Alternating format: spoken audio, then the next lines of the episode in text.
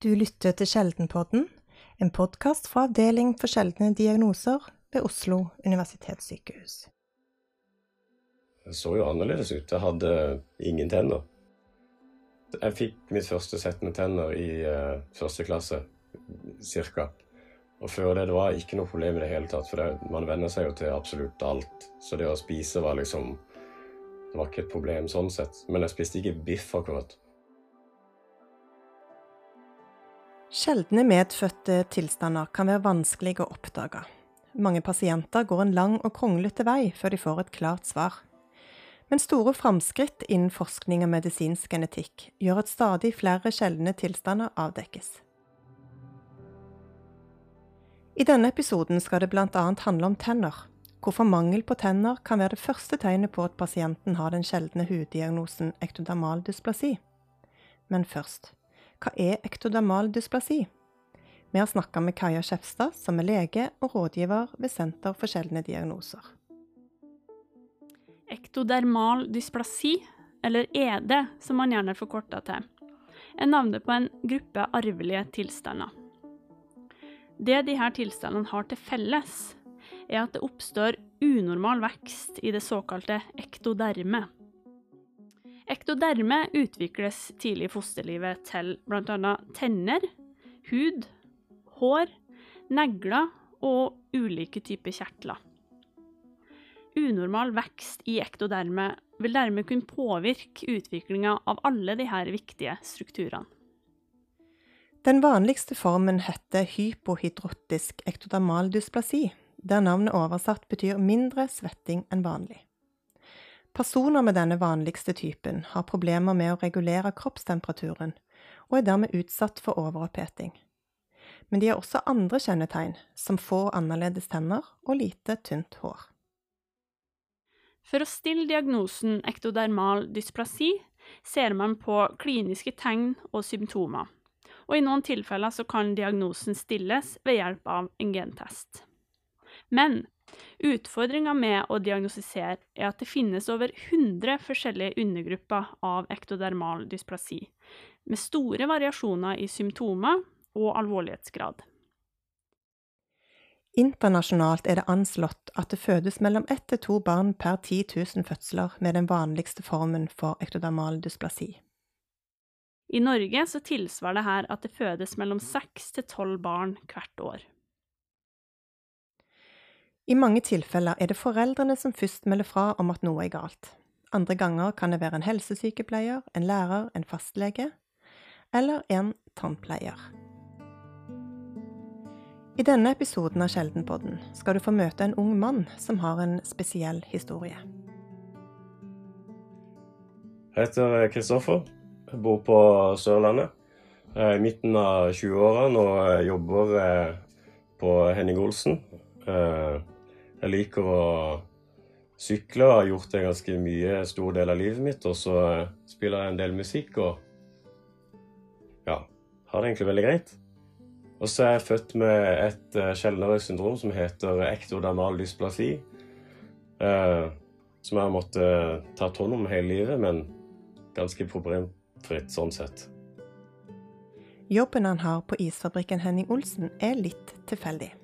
Hvorfor det likevel gir en en fordel, vil du forstå litt seinere. For først skal vi rykke tilbake til sommeren 1997. Uh, eh, I en uh, varm sommer i 1997 så ble jeg født uh, på Kongsberg sykehus. Kort tid etter jeg ble født, så viste det seg at jeg var ganske utsatt for å bli dårlig. Uh, jeg var veldig uttørka og hadde kort tid etter en infeksjon i øret eh, som gjorde at vi ble sendt til Skien eh, for å faktisk operere for å eh, lette på trykket. For det trykket i øret mitt ble så høyt at eh, det pressa på kraniet mitt. I de første to årene av livet mitt så var det veldig mye fram og tilbake til sykehuset, for det var en del problemer med lunger og krupp og pust, og jeg var varm og klarte ikke helt å slå meg til ro, og mye grining og ganske tungt for mamma og pappa, da. Men hva, hva, sa legene som dere møtte på på sykehuset, da? Hva dette skyldtes? Jeg tror ikke de hadde peiling i det hele tatt, egentlig. Jeg trodde bare jeg ble møtt med at jeg var dårlig, eh, og så fiksa de problemene mine. Ved fødselen vil et barn med ektodermal dysplasi kunne ha hissig, flassende og rødlig hud, og spedbarn kan bli feildiagnostisert pga. dette. Studier viser at opptil 60% har blitt diagnostisert med eksem i barneårene. Barn med ektodermal dysplasi vil også ha typisk flere episoder med feber uten kjent årsak, men som egentlig skyldes manglende evne til å regulere kroppstemperaturen. Den unormale kjertelutviklinga hos unger med ektodermal dysplasi gir problemer i områder av kroppen hvor kjertler er spesielt viktig. F.eks. i øynene, nesen, ørene og òg i lungene. Lite produksjon av tårer gir tørre og sviende øyne. Hos unger med ektodermal dysplasi så blir både snørre og ørevoksen hard og seig. Og dette kan føre til mange og tilbakevendende infeksjoner. Lungene påvirkes òg av mangelen på normale kjertler, og unger med ektodermal dysplasi kan derfor være plaga med lungebetennelser.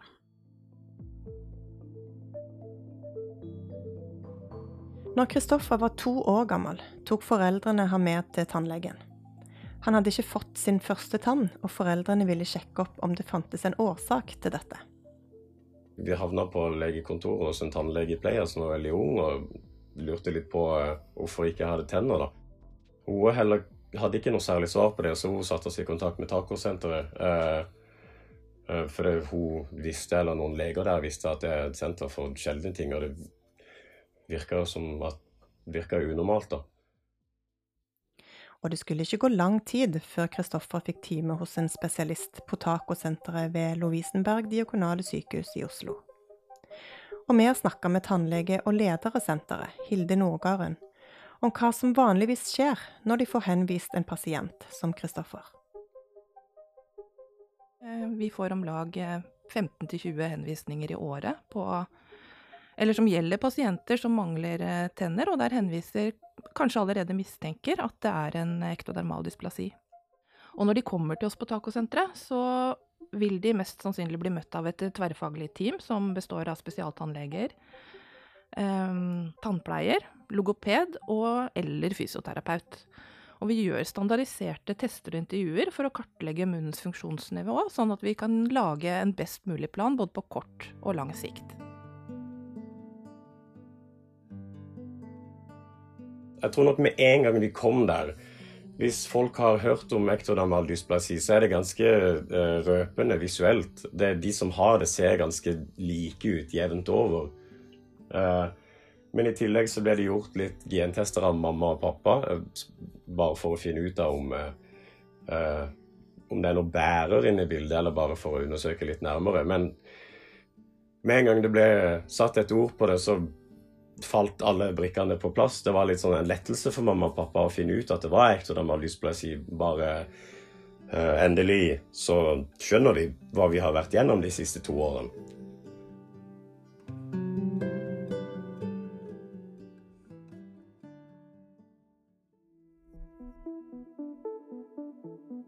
Ektodermale dysplasier kan være arvelige, eller oppstå spontant ved nye mutasjoner.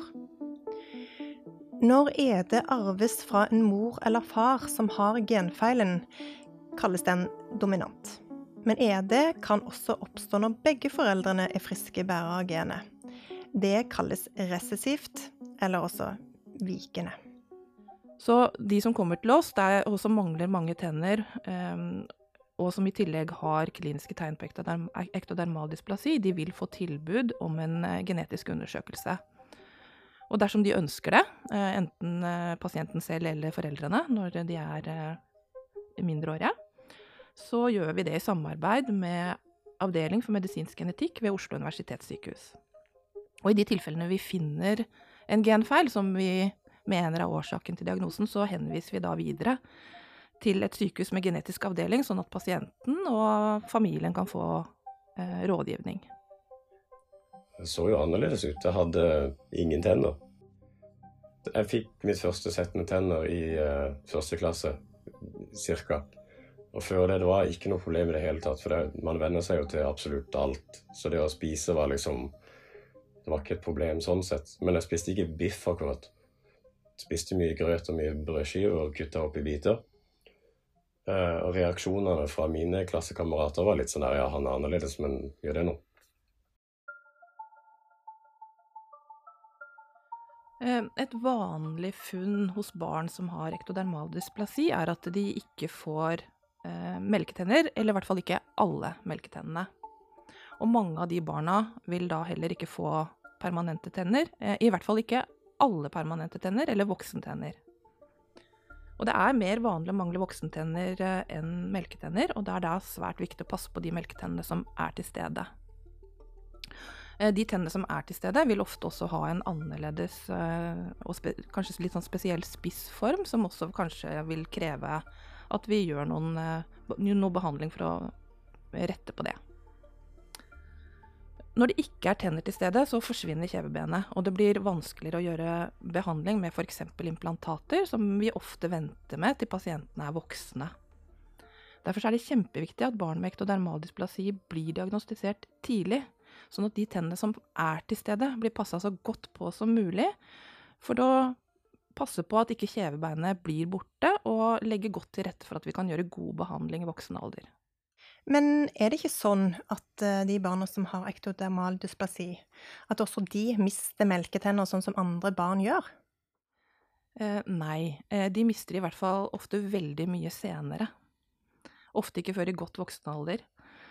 Eh, dersom vi passer godt på tennene, at ikke de får hull om og trekker de. Eh, fordi det er sånn at eh, det er de permanente tennene, eller voksentennene, som resorberer eller spiser opp eh, røttene på melketennene, sånn at de løsner. Og når det da ikke er en permanent tann til stede, så skjer jo ikke den prosessen. Derfor er det veldig viktig at når man avdekker ektodermal dysplasi, å passe på alle tennene, både melketenner og de voksentennene som er til stede.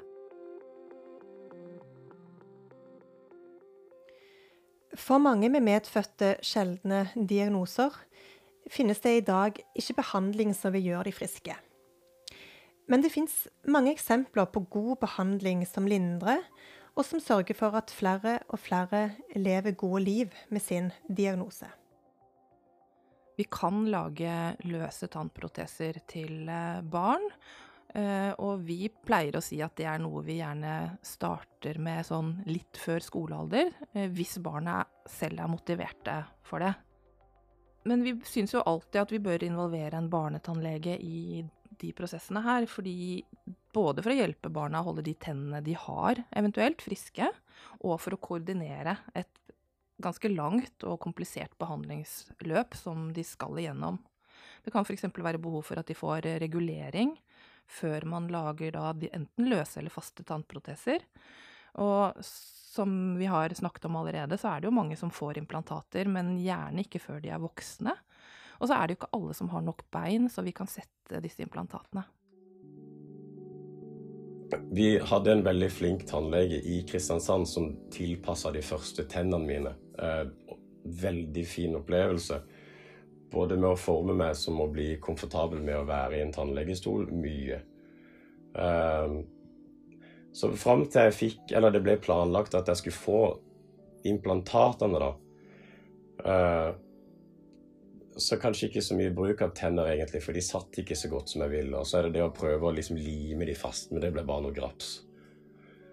Eh, så vi begynte å ta turer til Oslo eh, med doktor Ellingsen. En privat tannlege der som ekspert innenfor tannimplantater. da. Og han fikk eh, Han ble da ansvarlig for å lage de her eh, protesene mine og forberede alt som skulle gjøres fram til jeg skulle operere. Kristoffer har ikke tall på hvor mange ganger han har sittet i en tannlegestol. Som niåring var han landets, ja kanskje Europas yngste til å få tannimplantat, der titanskruer opereres inn i kjeven som en kunstig rot, og tenner festes på implantatet. Fra jeg var sikkert syv, seks, syv til jeg var ni, så var vi i Oslo Jeg kan ikke gjette engang hvor mange ganger vi var hos Ellingsen. For å bare begynne å ta avstøpninger av kjeve og bilder og hvordan det ser ut, og forberedelser og lage tennene. Alt mulig forarbeid. Um, og så etter hvert, da, når ting begynner å falle litt på plass om å ha en plan på hvordan jeg skulle sette inn disse tennene, så ble det nok satt en dato etter hvert om når jeg skulle operere. Så det var jo utrolig kritisk, fordi de hadde aldri utført en sånn operasjon på noen, en bitte liten gutt. Så det var nok mye nervøsitet både blant leger og blant eh, foreldre. Vi vet ut ifra egen forskning hos oss på Tacosenteret, som ble gjort for noen år siden, at det faktisk å ha tenner betyr veldig mye for livskvaliteten til folk, og de beskriver faktisk at det er et liv før og etter behandling. Jeg var heldig. Eh, og da, For min del så gikk det sykt bra. Jeg, var, jeg kunne si alle bokstaver umiddelbart, og det føltes helt naturlig. Og det var helt problemfritt. Ellingsen sto der og var på vei ut døra, endelig så hadde vi gjort. Og så sier han si F, si S, og jeg alt på strak arm. Null problem. Uh, og det er jo Han var helt uh, det, var, det, var, jubel. Han var helt, helt i ekstase, det var jeg og mamma òg. Det var bare helt, helt, flott. Det var totalt greit. Utseendemessig òg. Jeg så ut som jeg var skapt for å ha tenner, åpenbart. Uh, for altså, du, Fjeset ditt forandrer seg jo fra det har gått med å være uten tenner til å plutselig ha tenner i seg. Men det, det var veldig bra.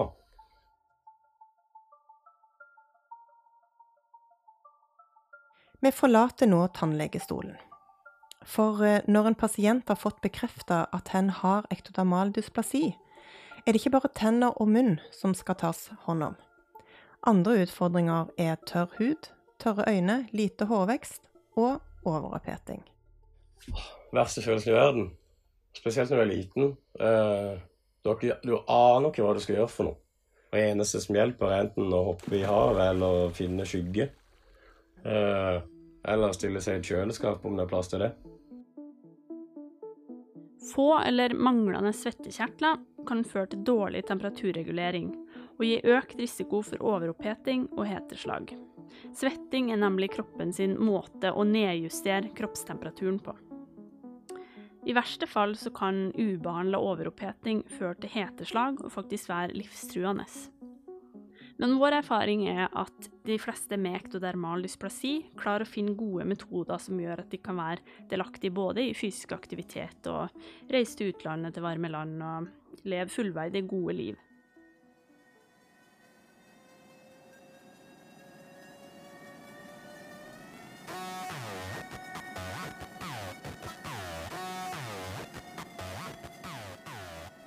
Vi var i Drammen, og jeg sykla utforsykling downhill.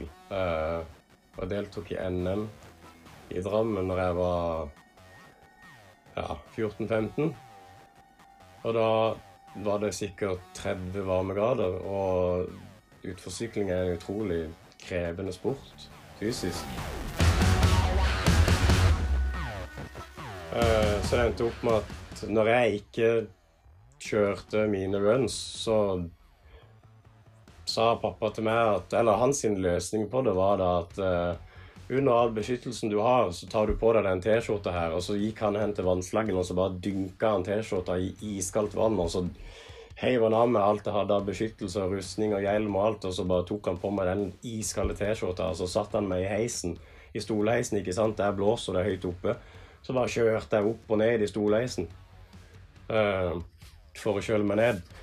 Og da når jeg sykla, så hadde jeg på meg denne her bløte T-skjorta innom rustninga og all beskyttelsen. Så når jeg skulle da kjøre mitt uh, uh, finaleløp, så sto jeg på toppen, og da var jeg helt klissblaut. Og så er det tre-fire minutter med bare fysisk eksplosiv helt ned til bunnen. Så når jeg da kom i mål over målhoppet, så sto hele Hele sykkelklubben sto der klar med vannflasker og bøtter og slanger og jeg var så varm og sliten da jeg kom ned at jeg bare tippa av sykkelen på gressletta i bunnen der, og de bare dynka meg i vann og spylte meg ned.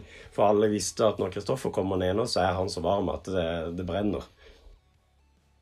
Nå skjønner du som hører på sikkert også hvorfor det kan være en fordel å jobbe på en isfabrikk for en som lever med ektodermal dysplasi. Kristoffer og familien syntes ikke at diagnosen skulle stå som hinder for at han skulle leve det livet han ville. Det har mest handla om å løse de utfordringene som fulgte med. Det har ikke vært noe problem. Jeg er veldig, veldig heldig med familien min.